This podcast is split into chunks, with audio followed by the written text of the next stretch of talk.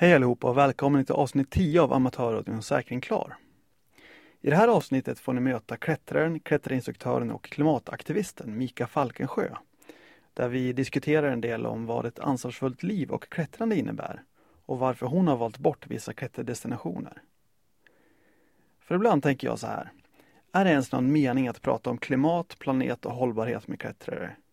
Eller kanske snarare, hur ska man prata klimat och planet och sånt med klättrare? För det finns väl ingen kategori människor som är så pass lata som den genomsnittliga klättraren. Idealet inom friluftsliv och klättervärlden har länge varit att flyga jorden runt för att möta andra kulturer och andra människor för att bli en bättre människa och bättre klättrare.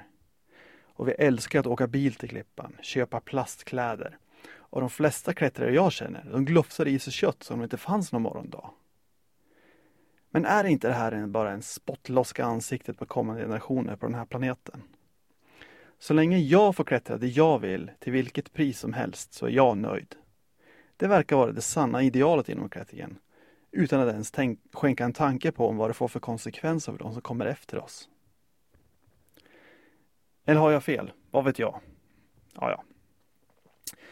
Nåväl, vi pratade även en hel del om klättring i Norge som ofta brukar bli ett samtalsämne här på Säkring Klar och varför det inte är populärare än vad det är.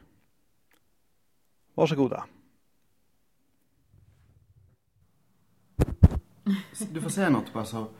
Ska jag säga något? Ja. Ja, okej. Eh, Du kan presentera dig bara. ja, just det. Det kan jag göra. Eh, hej, jag heter Mika Falkensjö. Eh, vad ska jag säga mer då? Ja. Vad, du, du klättrar? Jag klättrar, ja. Eh, det gör jag. Jag är... Ja, jag har hållit på med klättring i sju år ungefär. Främst eh, tradklättring. Men eh, andra, saker, andra typer av klättring också. Och du är nybakad eh, klätterinstruktör? Ja, precis. Det är jag. Jag blev färdig nu i vår. Har hunnit hålla en egen kurs. Så det är ju jättekul.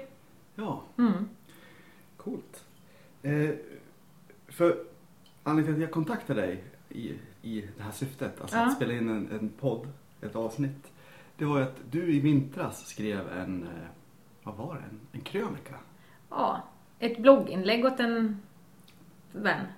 Ja, berätta om det inlägget. Eh, ja, men det var en kompis som frågade om jag kunde skriva en text om eh, hållbarhet och klättring och skidåkning, äventyr liksom, på ett sätt som också är bra för miljön.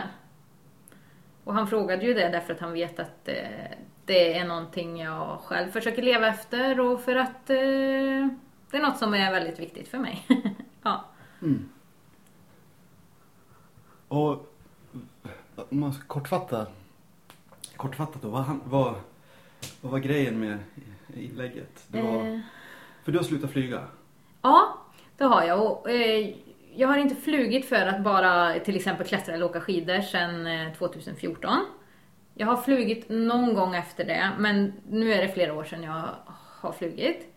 Eh, och kortfattat om den här texten var väl helt enkelt eh, lite varför och även hur jag istället då eh, har eh, utfört mina äventyr och så liksom mina tankar kring det och eh, ja, sådär. Men för jag tänkte på det. Eh, klimatkrisen är ju liksom, den är ju över oss så att säga. Den är ju Ja. väldigt närvarande på alla Ja. sätt. Och eh, då kanske det är många som håller på med klättring eller friluftsliv eller åker skidor som har ett engagemang för att minska sitt avtryck. Och att sluta flyga är ju, jag vet inte, det är, i alla fall hört talas om ett par stycken som har gjort det. Liksom. Man har ta tåget istället. Men att sluta flyga, är det det bästa sättet för att minska sitt, sitt avtryck på planeten? Eh, alltså, jag är ju absolut ingen expert på det här området. Men om man räknar ut sitt avtryck i någon sån här form av kalkyleringsgrej man kan göra på nätet. Då visar ju oftast att flygresor är ju det lättaste sättet för en privatperson att- att få ner sitt koldioxidavtryck. Sen finns det ju hur många andra saker man kan göra också. Men eh, ja, det är ju väldigt, väldigt verksamt liksom.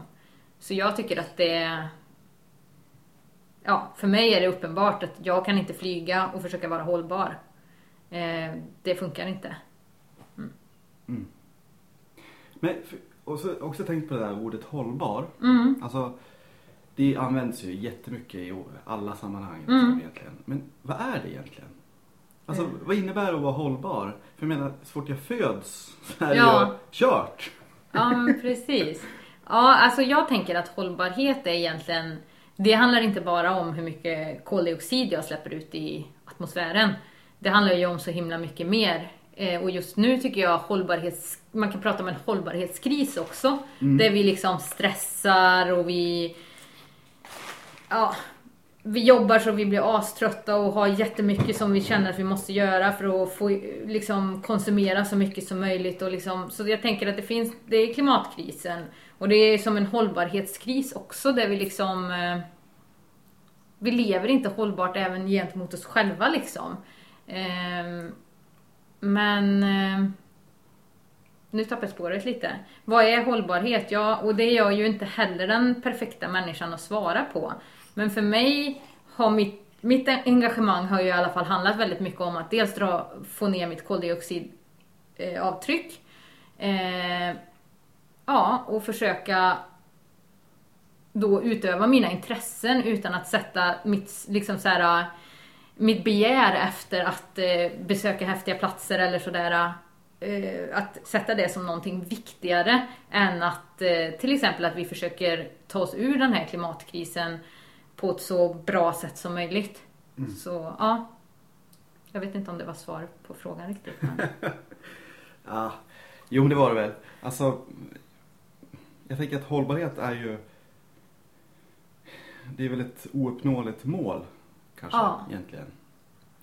Och eh, det handlar kanske om att ja, men se sig själv i spegeln lite grann. Mm. Alltså min livsstil som jag har. Ja, Vad får det för konsekvenser ja, för kommande generationer? För att, ja, alltså jag kan ju mitt liv är ju väldigt kort i, i sammanhanget. ja, Så är det ju. ja, Men för jag, jag tänkte också på det där. Jag läste en intervju med Yvonne Chouinard, alltså grundaren av Patagonia, du vet. ja, Han, amerikanen. Och han sa att det finns inte, det existerar inte hållbar, hållbarhet. nej, Det finns inte. Det, Okej. Vi kan inte prata om hållbarhet. Ja. Han, han sa att vi kan bara prata om ett ansvarsfullt liv. ja, Att vi är ansvarsfulla ja, med hur vi lever och hur vi klättrar till exempel. För han var ju, ja du vet, han tillverkar ju eh, pitonger. Men sen insåg han ju att det här går ju inte. Nej. Det kommer ju banka sönder alla sprickor. Så han uppmanade folk att börja klättra med kilar istället. Och sånt där. Men jag, å andra sidan. Eh, är det liksom. Man ser det ur- en klättrares perspektiv. Alltså de flesta klättrare är ju. tillhör den globala överklassen. Om Ja. man nu ska vara krass. Vi kan göra vad vi vill. mm, köpa vad vi vill. Och idealet är ju ofta att, att resa världen runt och klättra på nya ställen och bli en bättre människa och ja, självverklandet. ja, Men konsekvenserna av det, det vet vi alla, det är ju inte så bra. nej. Varför, varför fortsätter vi? Varför är det så här? Ja. Ehm. Alltså jag tror att det handlar ju väldigt mycket om, som du säger, självförverkligande. Men eh, jag tror att de flesta är ju liksom inte... De kanske inte har ställt sig frågan riktigt heller vad syftet med deras resor är. Och om de då skulle börja tänka på att de gör saker som får de här konsekvenserna bara för att de ska ha en två veckors häftig upplevelse i Yosemite till exempel. Då kanske det ändå skulle börja vara så här, aha, nej men om jag gör det här, då kommer någon antagligen fattig människa få betala för det någon annanstans. Alltså jag tror inte man riktigt har skapat dem, tänker på det sättet liksom. Eller eh, alla, att den här liksom, som vi befinner oss i den sjätte massutrotningen nu. Djur och, eller arter, de utrotas med så mycket högre hastighet än vad som är normalt. Och jag tror inte, jag tror inte man riktigt vill ta det till sig kanske. Att inse att det jag gör är också viktigt. Att vi alla har ett ansvar. Och ansvar är väl egentligen bättre att prata om än hållbarhet för att som du säger, vad är hållbarhet? Och i Sverige är det ju jättesvårt att komma ner på att inte konsumera så att man gör ett avtryck liksom. Mm. Men du skrev den där eh, ja, blogginlägget, Mm. mm. krönikan. Vad fick du, vad fick du för eh, reaktioner på liksom, omgivning och klätterkompisar och sådär? Ja. Eh, alla mina kompisar vet ju vem jag är. Så de, eh, de vet ju vad jag står för. Eh, men jag tycker det var jättemycket bra reaktioner. Det var många som delade på Facebook. Eh, den här killen som hade den på sin företagssida eh, då, för han har en blogg på sitt företag. Han sa att eh, det, jag tror att den var den mest lästa han liksom har lagt upp där, som jag förstod det. Ehm, men jag tycker att det är mer och mer människor som kontaktar mig kanske och frågar om, för jag har gjort en del tågresor och sådär nere i Europa och så för att klättra och åka skidor. Och liksom frågar om tips och så jag tycker att det finns ett stort intresse, en nyfikenhet och, och liksom att det är fler och fler som ändå vill förändras också liksom. Mm. Men tågresor nere i Europa för att klättra? Ja, Ja, berätta, nu blir jag nyfiken. Eh, ja, men till exempel så var jag tillsammans med min sambo nere i Spanien i våras, två månader. Och då tog vi tåget ner och sportklättrade då. Eh, och det var jätteroligt, jättehärligt. Jag hade ju- varit nere i Chamonix tidigare eh, i januari med tåg. Så Ja. jag hade ju precis gjort en sån tågresa. Men Oskar då, min kille, han... För honom var det ju liksom... Eh, ja, vi har ju åkt upp till riksgränsen och sådär. Men att åka ända ner till Valencia med tåg liksom tillsammans. Det var så himla härligt och så roligt. Ja. Hur långt är det från ja, Eh, Stockholm? ja, hur långt är det? Alltså det, alltså det tog då... Ja, hur lång tid tog det? Vi började på förmiddagen i Göteborg, åkte ner till Barcelona och det blev alltså ett nattåg där, så det var ju ett och ett halvt dygn. Så sov vi i Barcelona och sen tog vi morgontåget ner till Valencia två timmar. Så jag tänker att det är, hur många mil kan det vara? Jag är dålig på GG. 250 mil kanske? Jag vet inte. Man bruk, jag tänker att Tyskland är ungefär 100 mil. Mm. Tänker man. Kanske. Ja. Ja, men det tog typ ett och ett halvt dygn då. Till Barcelona och sen så tog, sov vi en natt där och sen åkte vi vidare. Men från Barcelona, Barcelona Göteborg ett och ett halvt dygn och då var det inkluderat nattåg. Så då är man ju fräsch när man vaknar. Mm. Tycker jag. Och då kan man ju, ja, kan man ju ta med sig mycket bagage jämfört med flyg då. Om man känner Ja. för det. Ja visst, det kan man ju om man orkar konka och så. Men det, vi klarade oss med varsin liksom lite större ryggsäck. Och sen så hade vi någon, någon mindre ryggsäck också och så rep och sådär. Så att det, ja, men det funkar jättebra. Mm. Man använde ju inte ens alla kläder insåg jag. Eh, som vi hade med oss. Så att det, ja. Men eh, känner du att du, nu när du åkt tåg då till Ja. olika ställen, saknar du flyg? Nej, verkligen inte. Alltså jag känner att eh, det som är så häftigt med när jag... Nu har jag ju liksom verkligen, jag trappar ner och sen har jag inte alls flugit något mycket de senaste åren och inte alls flugit på flera år. Och då känner jag liksom när man reser med tåg, det blir så himla häftig känsla för att helt plötsligt blir det så här, nej men vad coolt, igår var vi i Göteborg och idag är vi i Barcelona. Och så har man ju inte tänkt när man har flugit, då är det mer så här, åh det är lite jobbigt och av och på och liksom så här, åh nu är vi framme, vad skönt. Men då blir det liksom så här, och kolla nu, vilka, vilka fräcka hus det är här, vart är vi? Vilket, ja, ja men det är den regionen, ja men så ser man liksom utanför hur landskapet skiftar och arkitekturen skiftar och Ja, jag tycker det har varit jättehärligt liksom. Man pratar med folk och läser eller bara sitter och spelar kort eller ja, superhärligt.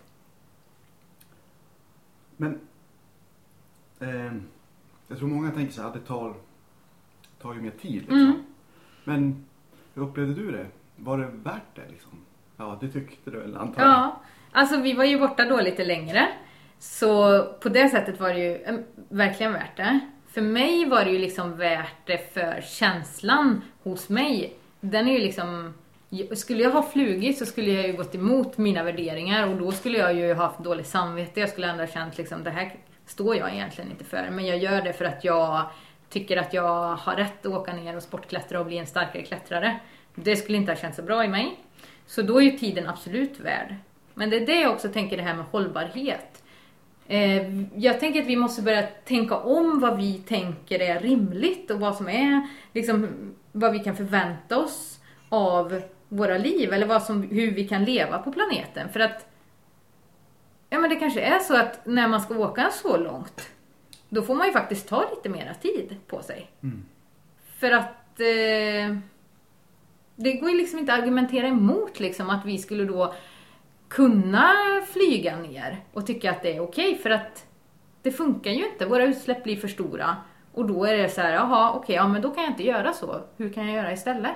Mm. Så för mig är det liksom en enkel ekvation. Ja. ja. Men när man åker tåg då ner till Barcelona, Mm. är det... Oh, det är bra. Är det ellok hela vägen? Nej, det är det nog inte. Utan jag har inte kollat upp det jättenoga. Men jag vet ju att i Tyskland så är det ju fortfarande vissa sträckor som är mm, kanske med kol då. Men det är ju ändå bättre än att flyga och desto mer vi åker tåg desto mer, de försöker ju gå över och desto bättre linjer får vi och sådär. Så, men i Sverige till exempel så är det ju jättebra nästan alla sträckor liksom med SJ och sådär. Eller det är inte bara SJ som kör. Men ja. Men där också, för då behöver vi ju el såklart Ja. för att, om vi ska åka Mm. tåg. Men, och SJ har ju ja, liksom Mm. grön el. Men är det liksom till exempel vattenkraft? Skulle, skulle du säga att är det grön el till exempel? Alltså jag är inte jätteinläst på vattenkraft så jag kan inte svara på en sån fråga.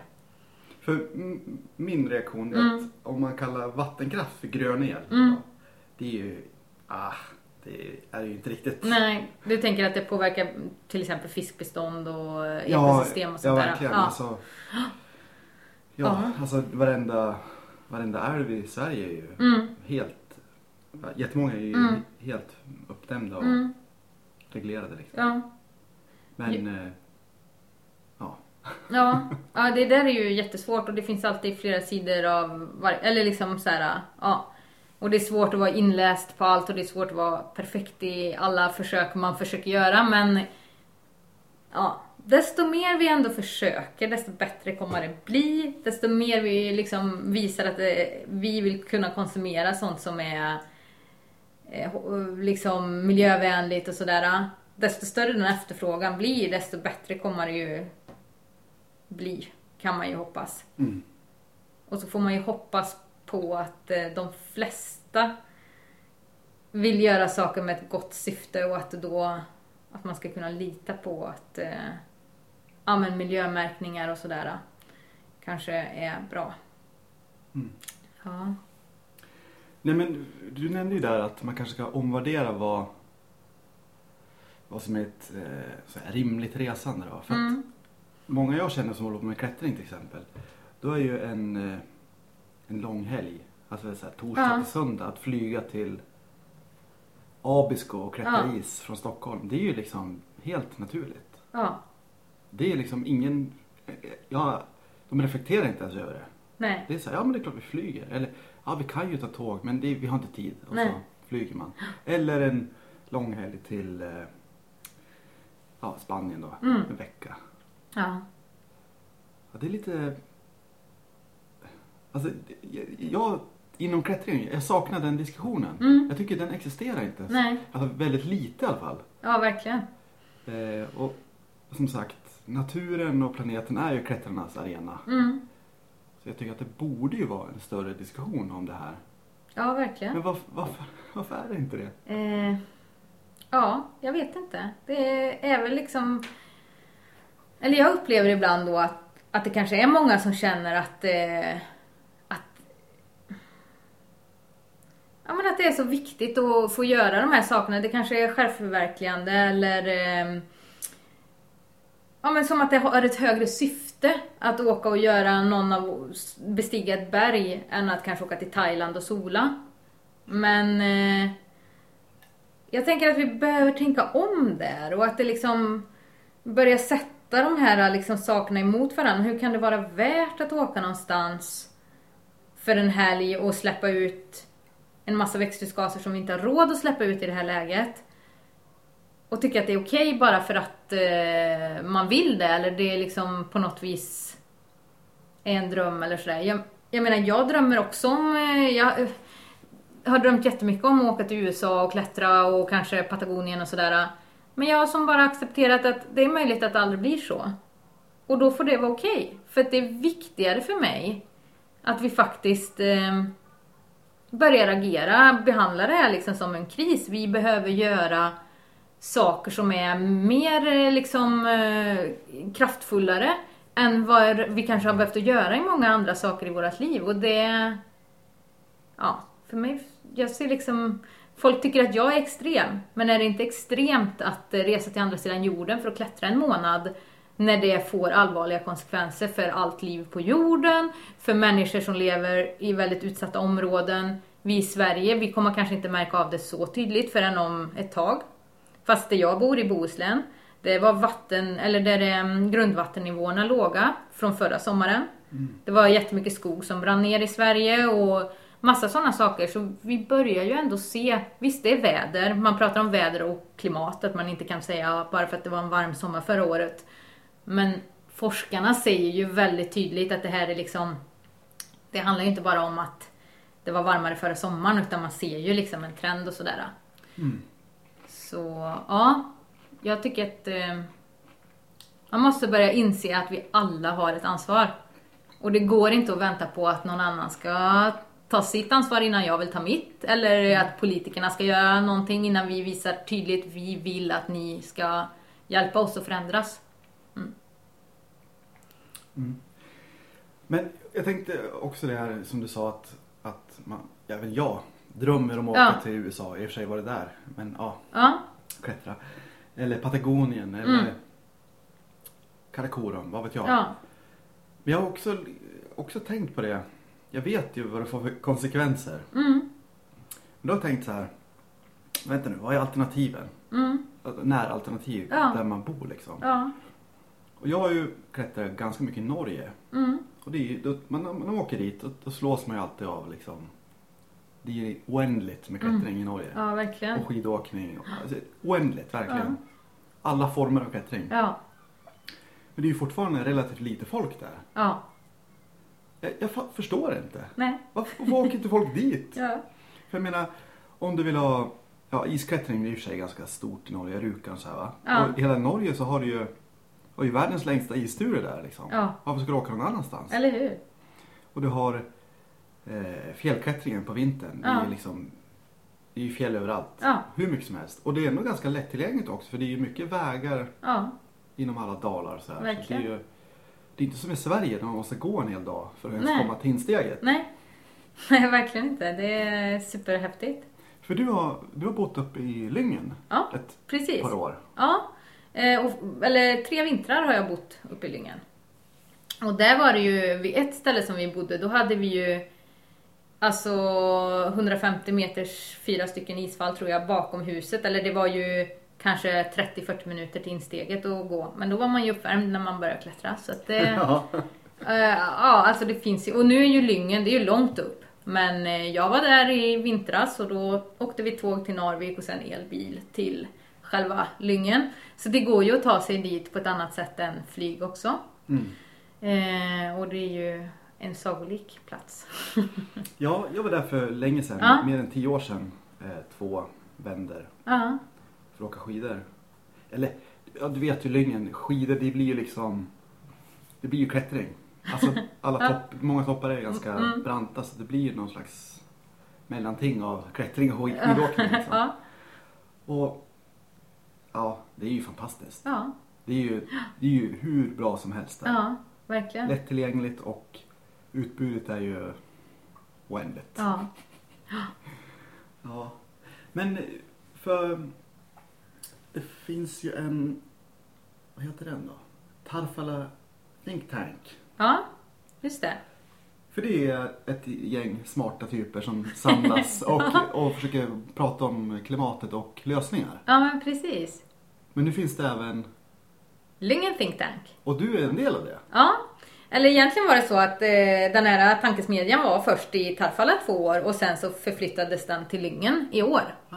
Så då var jag inbjuden och tackade självklart ja, blev jätteglad för den inbjudan. Ehm, så vi var uppe i Lyngen ett gäng, vi tog tåget upp och då elbil sen till, från Narvik till Lyngen. Och gick på tur med två fantastiska bergsguider som då är väldigt eh, klimatengagerade också, så det var ju väldigt roligt. Ehm, och sen så på kvällarna liksom, och egentligen pratade vi ju om klimatfrågan från att vi vaknade tills att vi gick och la, la oss. Det är liksom, ja. Men vi gick ju på tur också varje dag och liksom åkte skidor och sådär. Mm. Så det var superkul eh, och väldigt eh, givande, väldigt spännande människor att få träffa och sådär. Mm. Mm. Vad kom ni fram till? Har, har ni lösningen? Vi hade Berätta. ingen lösning och det var väl egentligen inte så att det var en lösningsorienterad eh, grej heller utan eh, inte så att det här ska produceras utan mer liksom träffas och se liksom, lära av varandra, få inspiration, träffa fler som är intresserade, eller intresserade, jag vet inte, det, jag tycker egentligen det är fel ord att säga om det här för det är ju liksom det borde vara allas intresse att vi ska vända det här sjunkande skeppet. Men eh, ja, träffa andra som också vill att vi ska agera och få saker att hända. Ehm, men det jag har varit med och fått eh, göra efter det här, då har jag och en av tjejerna som var med, sen några av killarna har dykt upp och gjort lite grejer där också. Vi har eh, dragit ihop ett gäng med forskare som har varit med på eh, den globala strejken som var den 24, globala klimatstrejken som var den 24 maj här i Stockholm. Mm. Så var det väl, vi var ungefär, hade 20 klimatforskare, klimatpsykologer med som svarade på frågor till allmänheten. Och då var det några av dem som var uppe i Lyngen med och svarade på frågor och så. Och just idag är det ju också en sån Fridays for Future strejk. Som vi, jag var där och roddade lite innan jag kom hit. Och de är igång där nere på Mynttorget nu och kan förhoppningsvis svara på frågor som människor har och sådär angående klimatfrågan. Mm. Kanske man träffar en av psykologerna och frågar eh, saker om det känns jobbigt eller hur man kan tänka när man pratar med andra människor om det och sådär. Jättespännande. Mm. Spännande. Ja. Eh, för jag, det var en kompis som mig som skickade en, eh, en artikel Ja. från NRK tror jag det var. Okej. Där ett universitet i Norge i en studie, jag kommer inte ihåg vilket universitet det var, det kan jag faktiskt kolla upp, det är ganska intressant. Mm. Eh, de hade listat vad som är värst för klimatet. Okej. Jag ska kolla. Eh, just det. Och det den här studien hade gjorts i Norge så det här gäller ju för Norge då. Mm. Men det, man kanske kan lära sig en del av det. Och då i Norge så brukar så spenderar de 15 miljarder på friluftsutrustning varje år. Ja, herregud. ja. Det, det är helt sanslöst. ja, det är fan helt sanslöst. Oj, Och- ursäkta nu. Svor jag. Nej men det är bra. Så här på, å andra sidan så jag tror jag att friluftsintresset i Norge är mycket större än i Ja. Sverige. Men det är ju ett mindre folk där. Ja. Men, ja. Eh, eh, ska vi se här. Och det är ju enligt den här forskaren, han säger att det gör friluftsliv i Norge till en miljövärsting. Ja. Det är liksom, Och mycket av materialet har ju också konstiga behandlingar och går inte att återvinna och eh, ja, ja, mycket plast. ja precis. Mycket gift. Ja, Ju mer desto bättre. ja, i alla fall om man ser på vattenavstötningsfunktioner och ja, liknande. ja, precis. ja. Eh, jag, jag impregnerade faktiskt mina kläder i vintras. Ja. Men då köpte jag någon sån här miljövänlig impregnering. ja. Men jag vet inte om det är miljövänligt. Eller, Alltså jag, jag, jag Jag kan inte svara på den frågan. Jag- hoppas det. Ja, man hoppas ju på men att eh, ja, det är svårt det där. Folk vill tjäna pengar också och det, ja, Mm. men det kanske är bättre i alla fall. Ja, och i den här studien då, då har de kommit fram till att friluftsliv är det tredje värsta du kan göra på fritiden med tanke på miljön. Mm, Det värsta är det ju semesterresor, mm, eh, ja, flygresor för att besöka vänner. Eh, och sen kommer då friluftslivet. mm, För det innebär att då köper du ganska mycket plast och Ja. allt vad det är och flyger och du är ute i naturen. Mm. Och, åker gärna helikopter, Ja, vessla och skoter och sånt där. ja det är ju som... eh, Ja, det är lite konstigt för jag tänker att många som håller på med friluftsliv skulle ju liksom säga att de bryr sig väldigt mycket om naturen. Och sen så gör vi ändå så många dåliga val. Ja, Kanske omedvetet, men också vissa saker är ju rätt obvious om man tänker på dem liksom. Till exempel att byta eh, skalkläder mer än nödvändigt och flyga och sådana saker. Mm. men ändå gör vi det. Ja, Varför? Ja, vi vill väl vara snygga och moderna i våra nya kläder och vara Ja. på de fräcka ställena, åka till de fräcka ställena och få cred för det på Ja. Instagram. Jag vet. Den här forskaren, den norska forskaren, han sa att, att eh, ja, friluftslivet, eller när man är ute, det blir Ja. som en catwalk. Så Ja, just det. Ja. Att man vill gärna visa upp sina nyaste, sin nya eh, sele, Ja, nya kortslingor ja men precis. och ny jacka. Ja, speciellt inom skidvärlden tror jag det är väldigt mycket så. Klättringen kan det ju vara lite att vi tycker att... Eh, eller vi är bra på att laga våra kläder och... Men är, vi det? alltså jag vet inte men många av mina vänner, vi har, eller ja, jag och många av mina kompisar, vi har ju ganska skruttiga kläder och så. Men det finns ju mycket andra prylar man kan köpa om man inte lägger de pengarna just på kläder så. Mm. Ja. Jag tycker det är, det är som du säger att friluftsmänniskor, gärna kanske uppklättermänniskor då liksom är vill tro att vi är Mm. miljömässiga. Ja. Men så är det ju, verkar det inte vara. Nej, så verkar det ju faktiskt inte vara, nej. Ja. Men om man, när man lyssnar på det här då och man känner så här att ja, det finns goda poänger här. Ja. Och man faktiskt då vill gå från kanske ord till handling. Mm. Man nu så här, ja men jag vill fortsätta vara i naturen och klättra. Men försöka minska mitt, mitt avtryck. Mm. Va, vad är dina bästa tips? Ja, men jag tycker verkligen att då ska man eh, skippa flyget. Eh, och sen eh, då jättegärna åka tåg istället. Och kanske börja tänka om att eh, de häftigaste äventyren behöver ju inte vara de som är längst bort. Utan att man faktiskt eh, tar vara på det som finns i närheten. Och som jag nämnde så bor jag i Bohuslän. Och alltså den klättringen där är ju helt fantastisk. Sen är det ju inte sådana långturer, men då kan man ju åka till Norge. Man behöver inte åka så långt för att få... Men till exempel kan man åka till Nissedal, det är inte så många timmar ifrån Sverige. Eh, och där finns det liksom 400 meters klättring i olika grader och sådär.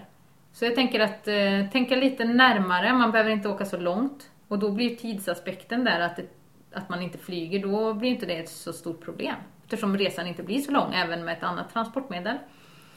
Ehm, och sen när man kommer till prylarna, att man verkligen så här. Ah, man köper inte det man inte behöver och sen så att man försöker konsumera sånt som är begagnat om det faktiskt är så att man behöver någonting nytt. Jag försöker köpa allting som, alltså om jag behöver en ny skaljacka, då försöker jag verkligen köpa den begagnad. Och det finns ju märken som faktiskt har begagnat i sin butik. Eh, det finns de som lagar väldigt till bra priser och sådana där saker. Så ta hand om sin utrustning också. Börja liksom inse vad... Alltså kostnaden av någonting är ju inte bara prislappen, alltså 2000 kronor för det här. Utan det är ju så många mer kostnader bakom. Att man liksom börjar inse värdet av det. Och det kan ju egentligen vara som en väldigt härlig grej att man börjar inse värdet av alla saker som, och alla upplevelser och alla liksom fantastiska grejer som vi kan få vara med om. Mm. Mm. För du pluggar ju, du är geovetare också. Ja, jag Så har du- en kandidatexamen i Du- geovetenskap. Sakkunnig i... Eh, Ja, det är väl inte just sånt då, men det är väl mera ja, eh, ja, det är ju mera liksom hur jorden är uppbyggd och sådana där saker. Eh, ja, jordens system och sådana där saker. Men ja, Geologi då? ja jag har läst delvis eh, en del geologi. Geologi och naturgeografi. Ja, Just det.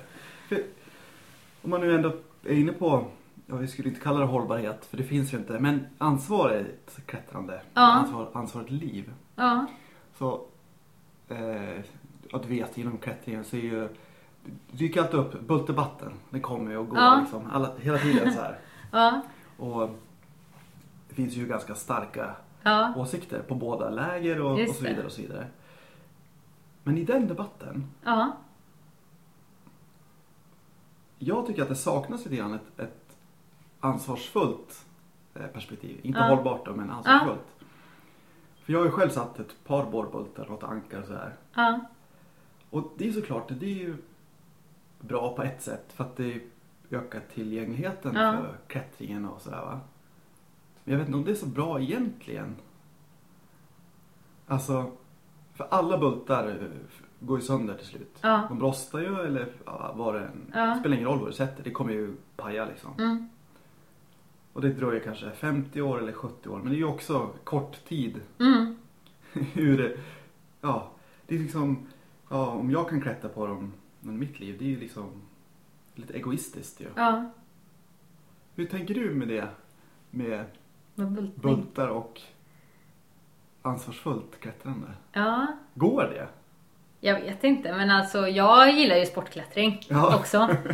Så jag, jag är absolut inte någon motståndare till bultning. Sen så tycker jag inte man bultar ju inte en spricka. Det får man ju inte göra. Men eh, jag vet inte, alltså bygga en stor motorväg eller bulta några sportleder någonstans där klippan kanske inte används av någon ändå, den är där och för oss klättrare så är det liksom, ja, wow.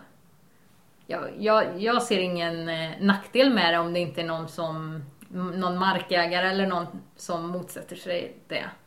Men sen kan man ju inte åka ut och bara bulta hej vilt utan då får man ju göra det på ett snyggt sätt och liksom med tanke på access och allting sånt där. Mm. Men eh, jag gillar sportklättring också. Ja. Så då kanske det är av egoistiska skäl som jag tycker att det inte är något problem. Men ja. Ja, ja så kan det ju vara. Ja. Alltså jag klipper ju också bult ibland. Så att, vad ska man göra? Mm. Eller, man rättfärdigar det på något sätt. Det är som flyga.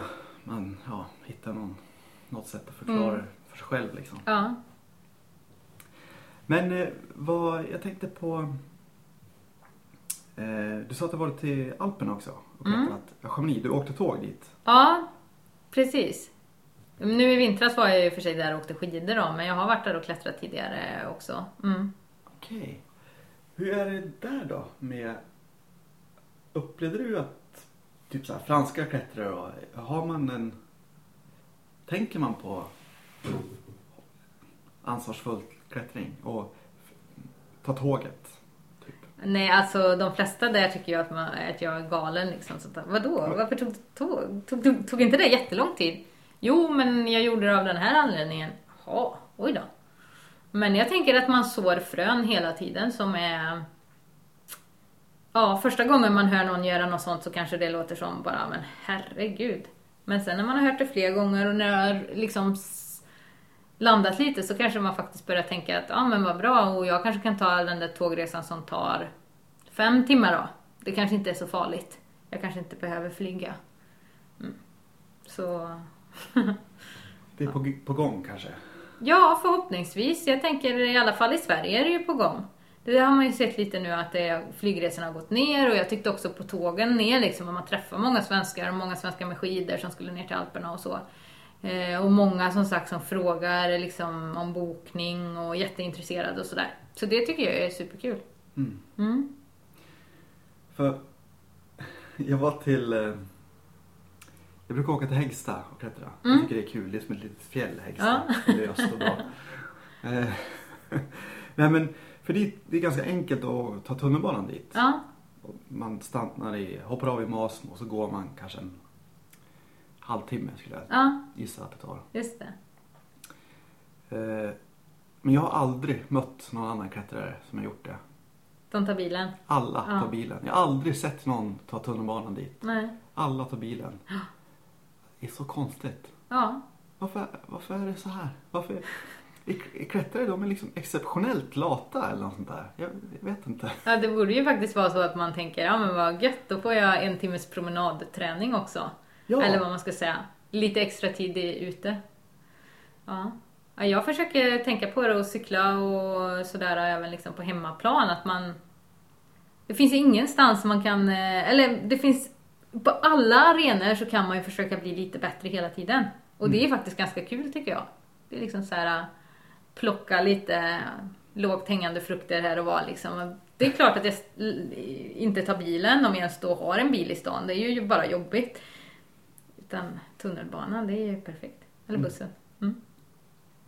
Så cred till dig att du Ja, inte tar bilen då. det är för att jag har ingen bil, det var kanske främst. Ja men och ännu därför. bättre att inte ha någon bil. Det är ju Ja, jätteskönt. får man liksom snika och åka med alla andra istället. Ja men det är väl bra, då samåker man ju och det är ju det som vi borde göra mer liksom. Ja, Ja, ja fast jag, jag, jag får ju lite dåligt samvete också för att, att jag alltid, att jag själv aldrig har bil så jag får liksom åka med alla andra. Jag, jag, jag tar liksom inte ansvar på det sättet. Ja, okej. Det kan jag tycka ibland att jag borde liksom faktiskt eh, ge tillbaks lite grann. ja. För att Men- jag åker ju bil, då åker jag alltid med någon annan. Och så är det ju de som får Stå för det, ja. Alltså det är klart att jag betalar soppapengar men det blir Ja. ändå liksom massa annat. Andra kostnader också. Ja, det är klart. Så är det. Mm. Men nu bor du i Bohuslän Ja, som du sa. Okej. precis. Det är ju inte så dåligt om man vill klättra. Nej, och det är ju därför vi har hamnat där och det känns jättekul. Ja, Va, och ni har köpt hus? Jaha, vi har köpt ett litet hus i Bohuslän. Ja, Det är, det är ju liksom en, en liten dröm man har nästan. ja. Någonting som för några år sedan också kändes som bara, det kommer ju aldrig hända. Men eh, så hände det. Mm. Coolt. Mm. Men du kommer från Värmland? Ja, jag kommer från Värmland. Mm. Mm.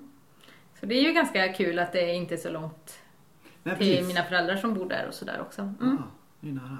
Mm. Och då ska du hålla klätterkurser? Ja, bland annat så jag och då min sambo, han har, eh, är också klippklätterinstruktör. Så vi har ju ett litet företag som heter Fjällstil. Och eh, vi håller ju klätterkurser. Och vi har tidigare då guidat lite skidor uppe i Lyngen. Men på grund av det här eh, flyg, eh, alla ville ju flyga upp. Och från början kunde man i alla fall, kom, kom de flesta liksom en vecka. Men sen gick det liksom inte ens att komma en vecka. Då var det bara eh, långhelger. Mm. Och vi flög inte själva. Då kändes det liksom inte längre roligt. Så just nu är det klätterkurser som gäller. Och det är ju roligt för då kan man ändå då kan man ju snacka lite klimat och hållbarhet och sådär också. Och påverka folk kanske. Ah, kul! Hur, hur reagerar kursdeltagare om man pratar om sånt här? Nej, men eh, man får väl också känna av stämningen lite. Man behöver ju inte liksom klampa någon på tårna. Men jag brukar mest prata om saker liksom som, ja men det här tycker jag är jättekul och det här har varit bra och då, då blir ju de flesta lite intresserade. Och blir de inte det så kanske man får visa en knut istället. Jag vet inte. Ja. Ja, det är bra. Ja.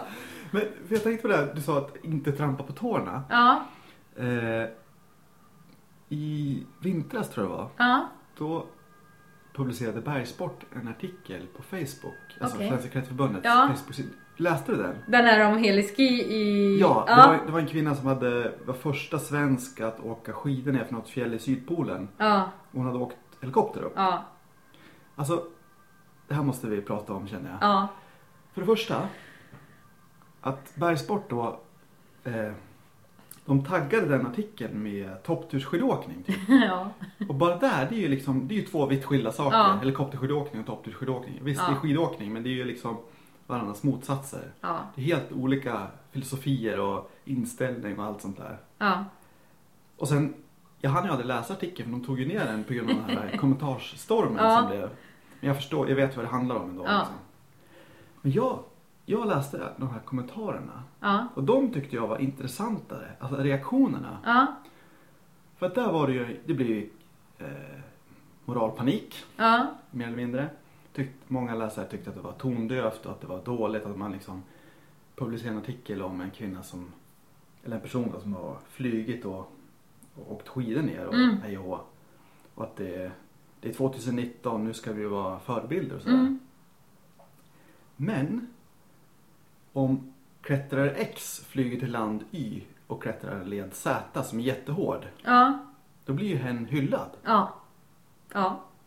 Vad är det? Alltså, så, innebär det att flygskam då, det gäller inte för alla? Ja. Eller? ja, så är det ju lite faktiskt. Sen var det väl kanske lite att det var liksom eh, så, eh, en sån plats som eh, har varit ganska orörd innan och allt sådär. Jag läste ju artikeln och blev också väldigt så här, men, ja, tyckte liksom att nu ska jag lägga en kommentar men då hade det redan kommit väldigt många av de sakerna jag ville skriva så att det kändes så här, ja men det var kul.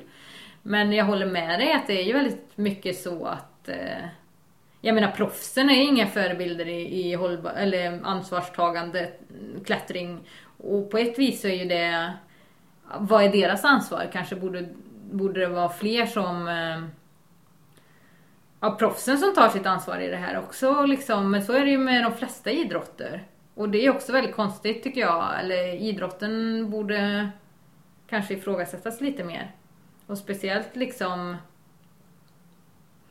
Ja men speciellt när det påverkar, alltså det påverkar ju också våran sport. Speciellt om man håller på snö, med snö och isklättring, ja men då är det ju liksom, och i Alperna nu på högre höjder, där är det ju permafrost som släpper och det rasar liksom förra sommaren jättemycket. Mm.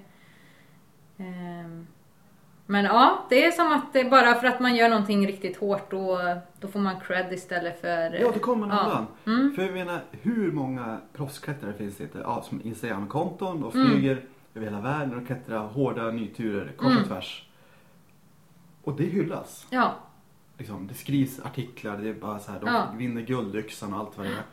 Men liksom, man tar någon jätteprofilerad klättrare, liksom, har de någon liksom räknat ut sitt utsläpp under tio år. Det måste ju vara... Ja, det måste ju vara helt... Och det är ju bara koldioxid om man flyger. Ja. Eller inte bara, men man bara tar koldioxid som ett, ett, ett exempel. Mm. Det, kom, det, måste ju vara hur mycket som helst. Ja. Och tänk dig allt annat de har ja.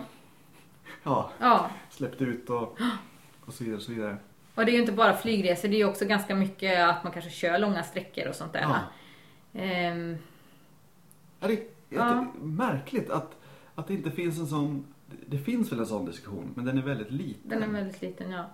Och det känns lite som att om man då ska vara en framstående klättrare, då måste man hålla på och resa en massa. Eller att det, i många intervjuer så är det ju så här, ja men jag älskar klättringen men jag älskar också att resa. Och, och det är klart att det sprider sig till även annat folk i klättervärlden. Att det är, ska man vara en eh, tuff klättrare, då ingår det lite grann att man älskar att resa eller att man är iväg på mycket resor kanske och så. Mm. Eller, att det, eller att det är det man strävar efter, det är det man tänker att klättring, oh wow, jag ska åka till Kalymnos. Fast man kanske inte ens har varit och klättrat på något bra sportställe utanför den staden man bor i i Sverige. Jag vet inte. Bohuslän. Men, ja, Bohuslän eller så. Så att eh... och, och sen finns det ju då alltid några som, som eh, är då sponsrade av något friluftsföretag som har en grön stämpel eller grön mm. profil och så då blir det bättre på något sätt. Ja. eller, eller att man har att man klimatkompenserar sina mm. resor. Jag kan inte så mycket om det men jag, det, det verkar otroligt konstigt. Ja. För jag menar det är så här, ja men det är okej okay att slänga i det här batteriet i sjön för att där, det, där utloppet är, där det rinner ut, där har vi ett filter. Ja. Eller vadå? Ja, nej jag gillar inte klimatkompensering heller. Alltså det är ju, nej avlottsbrev. Man köper sig fri från skuld. Mm. Så ser jag det. Eller har jag, är det, är det, är det stämmer eller har jag fel? Eller liksom? eh, jag har ju själv aldrig klimatkompenserat, så jag, men jag har läst lite om det och jag tycker bara att det är så här. Det känns som att, ja det är ju typiskt, vi i Sverige vi har så himla mycket pengar så det är klart att vi kan köpa oss då fri från skulden. Ja. Men eh, alltså all koldioxid vi släpper ut i atmosfären nu borde vi inte ha släppt ut. Och jag säger inte att jag inte släpper ut någonting, det är klart jag gör det. Annars, jag menar jag lever ju här i Sverige också och gör dagligen val som jag tänker fan det där hade jag kunnat gjort bättre. Men att tänka så här, ja men jag kan flyga för jag betalar för det här, jag sätter upp solceller i, jag investerar i det här, de sätter upp solceller i typ Afrika. Ja men vad skönt, då hjälper jag dem och så är jag fri från skuld. Men vi kan inte deala med det på det sättet nu. Det, nej, jag tycker inte det. Nej, alltså det bästa är ju att inte släppa ut något. Ja. Och jag menar, det kan man ju dra till sin spets. Alltså, för det första, klättring är ju meningslöst på ett sätt. På ett sätt är det ju det. Ja, det, vi, vi, ja. ja. det är inte livsviktigt. Nej. Så är det ju. Ja. Och jag menar, om jag vill eh, bli en bättre klättrare och klättra mer och det finns ju, ja men som sagt Norge. Mm. och Sverige också. Det finns ju väldigt mycket olika typer av klättring. Ja. Så jag, jag förstår att man vill resa utomlands. Bli en bättre människa och allt sånt där. Men eh, ja, jag vet inte om det är nödvändigt. Alltså, ja. Ja, nej. Ja, alltså, och just det där att eh, vi kan ju ändå ta oss till väldigt många bra platser. Alperna kan man ju åka tåg till och sådär. Alltså det... Eller Nej. rä- räcker det inte att vara halvdan klättrare? Medioker och... Ja, räcker inte det? ja det Måste kan... man bli bättre? Nej. Liksom? Ja, ja, ja. Ja. Ja, klimatkompensera. Vad är det? Alltså, man flyger, släpper ut koldioxid och sen så köper man...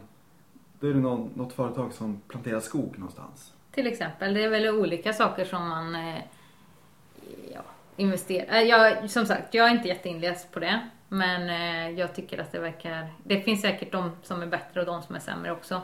Men för mig har det aldrig varit ett alternativ för jag tycker inte att det... Det funkar inte så. Det är liksom, nej. Eh, ja. Man kan göra så här. Om det är någon, de som lyssnar på det här programmet. Ja. Någon får gärna kontakta mig och förklara klimat, eller, eh, klimatkompensering och sånt där. ja. Jag förstår inte. Nej. Det finns säkert de som har en bra förklaring, tycker de. Åt båda hållen. Ja, Alltså, jo både det. för och emot. Mm. Ja, ja det, är, det är som det är. Mm. Ja, ja. Men eh, det är fredag då. Du skulle gå på eh, Fridays for Future. Ja, jag har hunnit vara där en liten stund och sen så stack jag av för att träffa dig.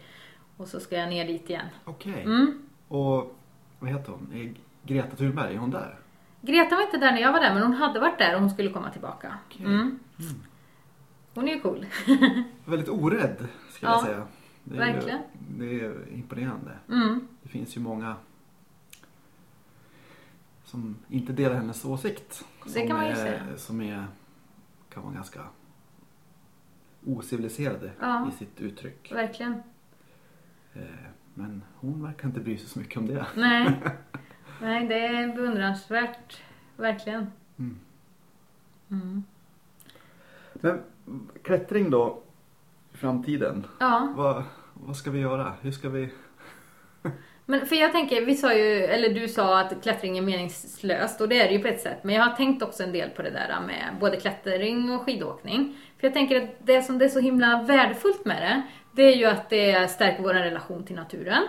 Och det tror jag är jättebra i de här, ja men våran, det vi måste göra nu för att försöka få klimatförändringarna och inte bara rusa iväg. Vi behöver liksom göra ganska stark, eh, liksom stora saker i våra liv, i liksom både i hela, liksom privat men också tillsammans och sådär. Så det tänker jag att den här relationen till naturen är jätteviktig.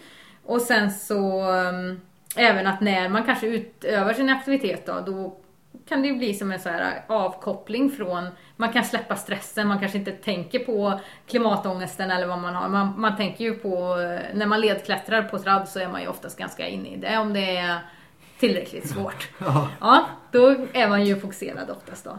Ehm, så jag tänker att vi ska fortsätta vara ute i naturen för det är, jag tror att det är jättebra för oss såklart. Eh, och det är bra att röra på sig och allt sånt där. Men att man faktiskt börjar eh, tänka efter att vad handlar det här om? Varför måste jag åka till USA och klättra om jag inte ens har varit i eh, de här ställena i Norge eller Sverige eller ställen där jag kan åka tåg till och sådär. Varför måste varför måste jag vara en klättrare, eller var, eh, blir jag bara en klättrare om jag har varit i Squamish liksom i Kanada? Eller kan jag faktiskt vara en klättrare även fast jag klättrar mest i, i Utby i Göteborg? Att det faktiskt handlar, eller alla de här sakerna som vi gör, det är ju liksom någonting större. Vi är ju del av någonting större och att vi måste börja ta det ansvaret. Att inse att min lilla klätterkarriär som kanske aldrig ens liksom, och det tycker jag inte, man behöver inte vara en superduktig klättrare bara, alltså det är inte de som ska få allt utrymme att eh, bara för att man är duktig får man göra vad som helst. Men eh, man kan få så fantastiskt fina upplevelser på andra ställen än eh, de här jättekända som ligger på andra sidan jorden. Att upplevelsen i sig kan ju vara samma. Mm. Med rätt eh, partner och bara härlig tid i naturen liksom. Mm. Ja, verkligen. Eh, Jag har ju... eh, För ett par år sedan, två år sedan var det. Så var jag till Hyckeberg i Dalarna för första Okej. gången. Ja, Eh, Och det hade jag hört talas om innan Ja. lite grann. Att det är jättestor klippa och sådär. Och så åkte jag dit för två år sedan. ja, Och det var en upplevelse alltså. Okej. Det var en ögonöppnare Ja. på många sätt. För att dels så är det ju, det är Sveriges största klippa okej. utanför fjällvärlden. Ja, Det är som, tyvärr är ju ungefär två tredjedelar av klippan är avstängd på grund av Okej. access. Där får man inte klättra. Men den del där man får klättra, det är ju mycket klättring och det är stort liksom. Och när jag kom dit, då tänkte jag så här. Det här är ju inte Sverige, tänkte jag. Det här är inte sant. För Ja. det, det är så stort och så brant ja, och exponerat och läskigt. ja. Och, och nära, nära. Alltså från Stockholm. Det är ju Mm. närmare än till Bohuslän. ja. Och, och det är ju fantastisk klättring. Mm. Nog för att det är lite ganska hög eh, tröskel på ett sätt. För det är ganska Alltså inte gradmässigt svårt. Eller jo, ja. Alltså det är ganska hård klättring. Mm. Det, det är ganska krävande klättring. För Mm. det, det, det är inte som i Bohuslän att det är en tydlig spricka. Utan Nej. det, det är porfyr så det är jättemycket eh, formationer och så är det små sprickor. ja. Så man liksom inte vet aldrig vart man ska klättra riktigt. Och man står där och krimpar så här och tittar upp och så bara Fan ska jag? Så här. Vart är nästa säkring? Ja, och så ser man inte det. Och så Nej. klättrar man en bit och så mitt framför näsan så har man en, en spricka. Ja, Så här. Eh, och det, när jag var där första gången och tänkte så här. Varför ska jag åka någon annanstans? Ja. Lite grann. Du har ju liksom typ den coolaste klättringen du kan tänka dig ja, någonsin. Eh, I Dalarna. ja, Jättenära från Stockholm så här. ja. Det kan jag rekommendera. ja. Det, då känner jag så här att Alltså varför ska jag åka utomlands för? Ja, ja vad underbart. Det, jag har inte varit där, men jag ska, ehm, jag ska kolla på det. Kanske blir en resa Gör det. det är, i år eller så. och, Mm. när jag åkte dit. Min självbild då, innan jag åkte Ja. dit. Det är ju att jag att jag är en klättrare liksom. Att jag Ja. har klättrat en del och eh, att jag kan klättring liksom. Mm. Och så kommer man dit och så bara livrädd. Tittar man upp mot väggarna så bara fy fan så här helt kallsvettig liksom. Och bara, uh, för det, ja, det är ganska re- respektingivande. Ja, Eh, och så när man kom, klättrar man upp och så kommer man till en stamplats. Och i vanliga fall så är ju de flesta stamplatser är ju en hylla. ja, Man står bekvämt så kan man lägga sina säkringar i lugn och ro. På Hyckevärd då står man liksom och krimpar så här. För det är inga hyllor. nej, Och står och en liten list och så ska man liksom eh, rigga en stamplats Ja. med sex placeringar kanske. ja, ja. Med en hand så här. Ja. Och så är det superexponerat och brant och hemskt och läskigt. Ja, ja det var en fantastisk upplevelse. ja. Men eh, det var, man fick eh, möta sig själv. Ja. men det är ju en del av klättringen också. Kanske inte, alla kanske inte gillar det, men det eh, kan ju vara eh, ja, roligt att man är verkligen där och då i stunden. Och eh, det kan ju vara väldigt skönt också. Ja, i efterhand. Nej, i va? efterhand ja. Just då kanske inte... ja. Nej, men det, ja, om man vill ha ett stort äventyr nära, då ska Ja. man åka till just det. Ja, vad roligt. Det, det ska jag lägga på minnet. Mm. Vad, eh, eh, har jag... Är det något mer jag ska fråga om? Ställa? Ehm, jag vet inte. Jag kommer inte på något sådär just. Eh, ja, men jag kan... Det här med äventyr. Eller liksom att man vill resa. Jag förstår. Och som sagt, jag har också så här drömt om resor som jag börjat tänka, ja men det kanske inte blir. Och jag brukar... Eller jag har tänkt på det lite som att eh, eh, Godis är ju till exempel gott, eller man kanske gillar chips mer eller så här. Men man kan inte kanske äta allt det godiset man vill, eller alla de där chipspåsarna man önskar att man bara kunde äta för att då kanske man går upp i vikt eller får eh, eh, hål i tänderna eller inte mår så bra. Det är ju lite samma sak med det här att eh, man kan inte riktigt eh, alltid göra eller få allt det man vill ha. Och så är det bara. För så är det ju att leva liksom. Man måste... Man måste ja, välja lite ibland. Ja, tänker jag. I klimatfrågan. Eller i att försöka leva eh, mer ansvarstagande.